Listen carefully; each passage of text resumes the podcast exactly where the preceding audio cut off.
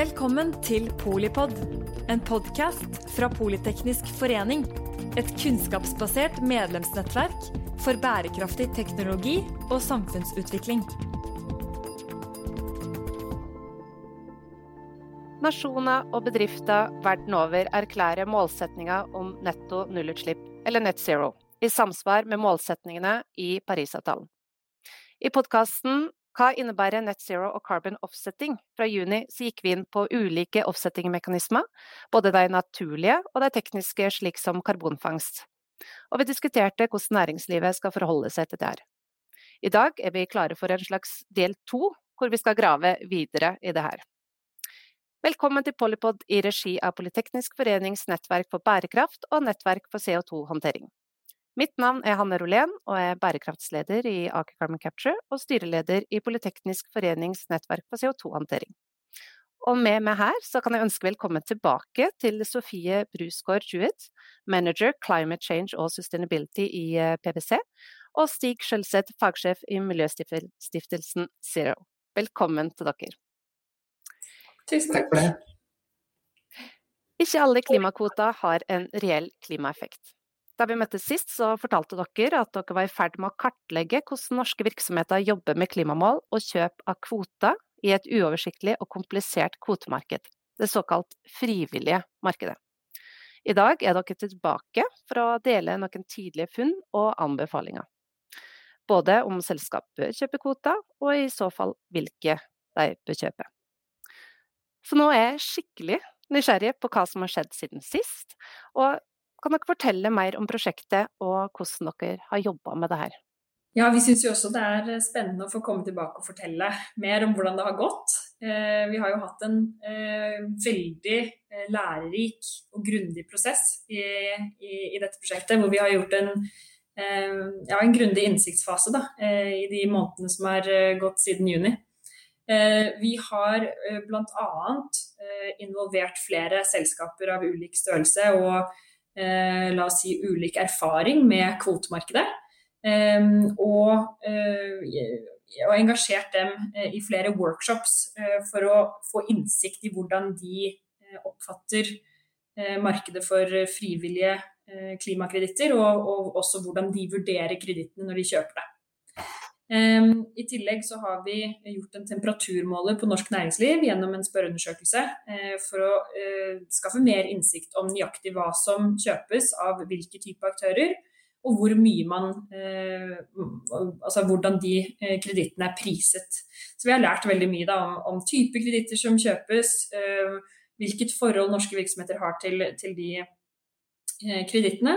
Eh, og, også, eh, eh, og, også, hvordan det oppfattes, rett og slett. og det vi har lært kanskje overordnet, i hvert fall den første fasen, eller første delen av innsiktsfasen, det er jo at det er mye forvirring rundt dette. Det er også mangel på kunnskap, rett og slett. Det er veldig mange som er avhengig av hjelp og bistand når man går inn i markedet. Og Det tenker vi at er en av hoved, hovedmålene vårt da, med dette prosjektet videre er å eh, løfte den forståelsen i næringslivet, sånn at man kan ta gode valg videre. Så har vi kommet med noen eh, første funn, eller første eh, skisser til konklusjoner. Og det presenterte vi på Zero-konferansen eh, nå i, i november. Eh, og da eh, oppsummerte vi de funnene i det vi kaller en trafikklysmodell. Og den trafikklysmodellen det er jo da som kjent eh, delt i grønne, eh, gule og røde prosjekter, der vi sier at de røde prosjektene vil ha en ekstra risiko for grønnvasking. De type prosjektene vi har kategorisert som røde, det vil være type prosjekter som støtter opp under eksisterende infrastruktur rundt fossil energi. Og det kommer sikkert til å være andre typer prosjekter som faller inn der også, men vi har bl.a. kategorisert CDM inn der også. Så, um, også på de eh, grønne så har vi jo da kategorisert eh, Hittil eh, har det jo vært uh, fjerning av karbon fra atmosfæren, som er en åpenbar grønn, grønne prosjekter.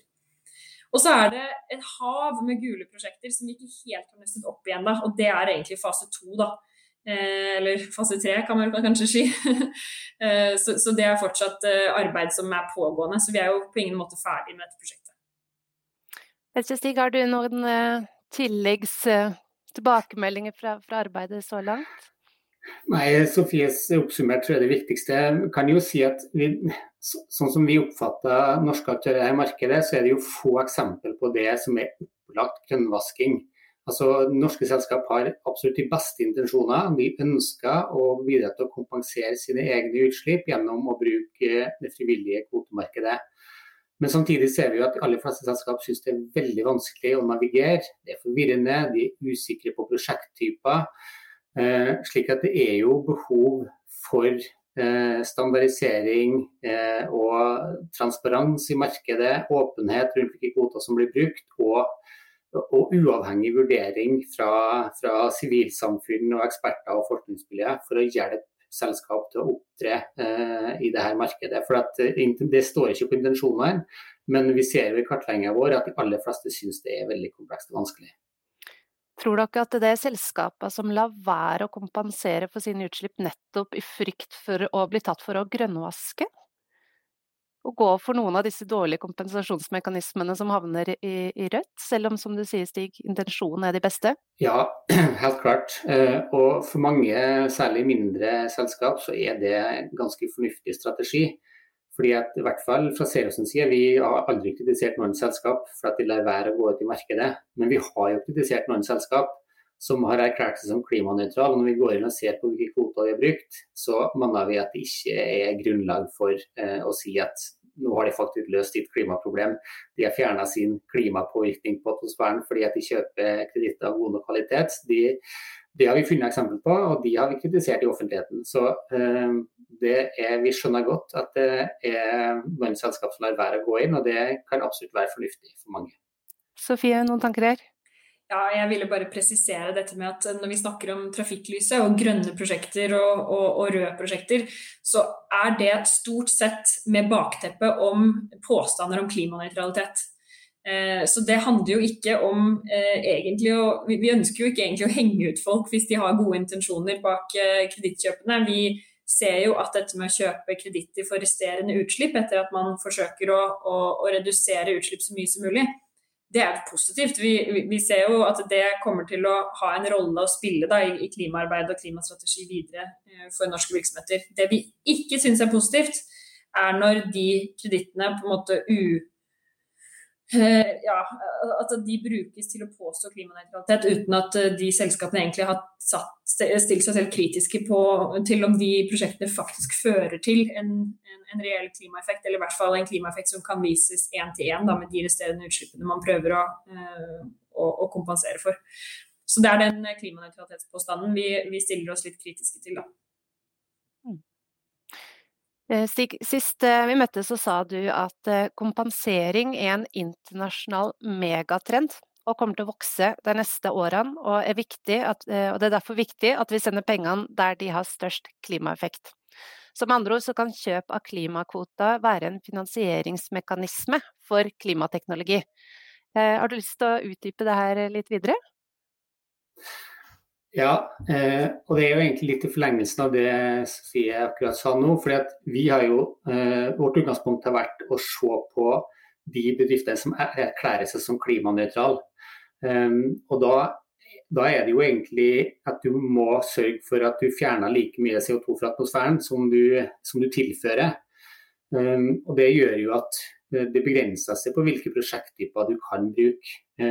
Samtidig så har jo vi gjennom det prosjektet her helt fra starten vært klar over at det her, altså å bruke det frivillige markedet er jo en viktig finansieringsmekanisme. Både for fornybar energi, bevaring av regnskog, eh, bygging av sånne clean cookstove, sånne rentbrennende ovner som både bedrer lokalt, eh, lokal luftkvalitet og som kan bidra til å begrense avskoging og, og til å kutte utslipp eh, i, i, mange utflygingsland. Um, så, så vi, vi, er veldig opptatt av at vi, vi vil ikke diskreditere hele det frivillige markedet. Eh, men vi vil bidra til at eh, for det første selskaper bruker pengene på de prosjektene som har reell klimaeffekt. Og for det andre at det å erklære klimanøytralitet, det er et stort steg. Da kreves det liksom en helt ekstra kvalitetssjekk på de kredittene vi bruker. Ja, godt. Siden sist eh, vi hadde podkast på dette temaet, så har det jo vært både COP26 og det har kommet en ny veileder fra Science Based Target Initiative på Net Zero. Så hvordan påvirkning tror dere at det her vil ha? Tror dere selskapene vil agere annerledes enn tidligere? Jeg kan si litt om klimatoppmøtet først, og så kan Sofie si litt om Science Based Targets etterpå. I Glasgow så ble det jo en enighet om det internasjonale rammeverket for klimasamarbeid. Og Det dekker jo eh, både klimasamarbeid mellom land, men det, det omfatter òg de mekanismene som kommer til å bli brukt i det frivillige markedet. Og det, Norge var jo sentral i forhandlingene her, sammen med Singapore. Fikk regelverket på plass, og det er bra. Det er en viktig del av Parisavtalen. Det blir mulig å samarbeide mellom land. Det gjør også at flere land kan øke ambisjonsnivået. Man kan få til mer enn det man ellers ville gjort. En viktig del av det er at det er laga sånne bokføringsregler. Det Poenget der er jo egentlig bare at eh, da kan man være sikker på at man ikke teller utslippskutt to ganger. Så Hvis to land eller to bedrifter samarbeider om et prosjekt som kutter utslipp, så må man bestemme hvem det er som eier den reduksjonen. Og Man har, får da et sånt registersystem så man overfører kreditter mellom land, slik at de som finansierer prosjektet også kan få godskrevet utslippskuttet. Eller man kan velge å la det bli igjen i vertslandet. Men det er i hvert fall laget et regelverk for. Det er bra. Samtidig så ble det jo noen som mye tull eh, i regelverket. Eh, det viktigste er kanskje det at eh, de FN-kvotene som fantes under Kyoto-protokollen, som var forløperen til Parisavtalen, de får lov å bli overført eh, inn under Paris-regelverket. Det er uheldig, fordi at eh, det, det, her med, og det her er da den CDM-mekanismen som vi nevnte tidligere, det er jo utslippskutt som har skjedd allerede. Eh, det er et prosjekt som er registrert etter 2012 og fram til 2020 de får lov å bli overført. og Det betyr jo i praksis at både land eh, og bedrifter kan bruke gamle utslippsreduksjoner for å innfri de nye klimamålene som går fram mot 2030. Og Det er rett og slett ikke smutthull. Eh, de kvotene kommer til å bli merka, så du ser hvem det er. og Man kan unngå å kjøpe dem. Men her vil jo være en forpliktelse for landene at de sørger for at de innfrir Paris-målene sine med nye utslippskutt. Og det vil være vi, kommer, vi, og andre kommer til å følge med det frivillige markedet. At ikke det her blir brukt av selskap for å erklære klimanøytralitet eller kompensere for sine utslipp. Hvis du skal gjøre det, så må du faktisk utløse nye utslippskutt, og ikke bruke gamle kvoter. Viktig og spennende presisering akkurat, eh, akkurat der, Stig. Eh, Sofie, litt om Science-Based Targets? Ja, Science-Based Targets uh, Initiative det er jo uh, la oss si en organisasjon eller en gruppe under World Resource Institute sitt Center for Sustainable Business. Det er jo um, uh, det er en kilde for uh, mye kunnskap og informasjon og, og, beste praksis på hvordan virksomheter skal sette seg uh, mål i tråd med vitenskapen. Eh, og de eh, går hele tiden gjennom endringer i sin metodikk eh, for å gjøre den bedre, og for å følge med den vitenskapen som hele tiden forbedres også. Og de har jo da nettopp kommet ut med en ny standard for hvordan selskaper skal kunne sette seg net zero-mål, netto null-utslippsmål. Og har da presisert en del, en del, veiledninger for hvordan det skal gjøres på, på best mulig måte. Ehm, blant annet så har de sagt at Hvis du skal sette deg et sånt mål, så kan du ikke sette deg et togradersmål lenger. Du må sette deg eh, veldig ambisiøse og gode mål, eh, helst til 1,5 grader. Eller du må sette det til 1,5 grad. Før så kunne du sette det til godt under 2 eller 2 grader. Så eh, den har jo strammet inn på de kriteriene, eh, bl.a. Og så har de også eh, kommet ut med noen føringer på hva slags eh, offsetting da, eller kompensasjon som kan brukes i forbindelse med de net zero-målene. Og det de har sagt er at Um, for å få et net zero-mål godkjent av Science Based Target Initiative, så må man uh, vise til en utslippsreduksjon som er planlagt til mellom 90 og 95 reduksjon uh, før man en gang egentlig skal begynne å tenke på, uh, på å kjøpe frivillige kreditter. Og de frivillige kredittene er det også strenge krav til. De skal være, de skal være kreditter som fjerner klimagass eller, eller CO2 fra atmosfæren. Så eh, der, det, det, gir jo egentlig den, egentlig den mest tydelige eh, føringen vi har fått på hva slags kreditter er det som kommer til å være lov eller kommer til å være ansett som beste praksis videre. Um, men det er også litt sånn utfordrende i, i forbindelse med at uh, mye av den teknologien er ikke oppskalert uh, i dag. Så det blir jo vanskelig for selskaper å, å, å sette seg eh, netto nullutslippsmål og være det eh, innen kort tid. Da. Og Det er også kanskje litt av poenget til Science Based Target, at dette her handler om en, en prosess eh, som, som, innebærer en ambisjon over tid.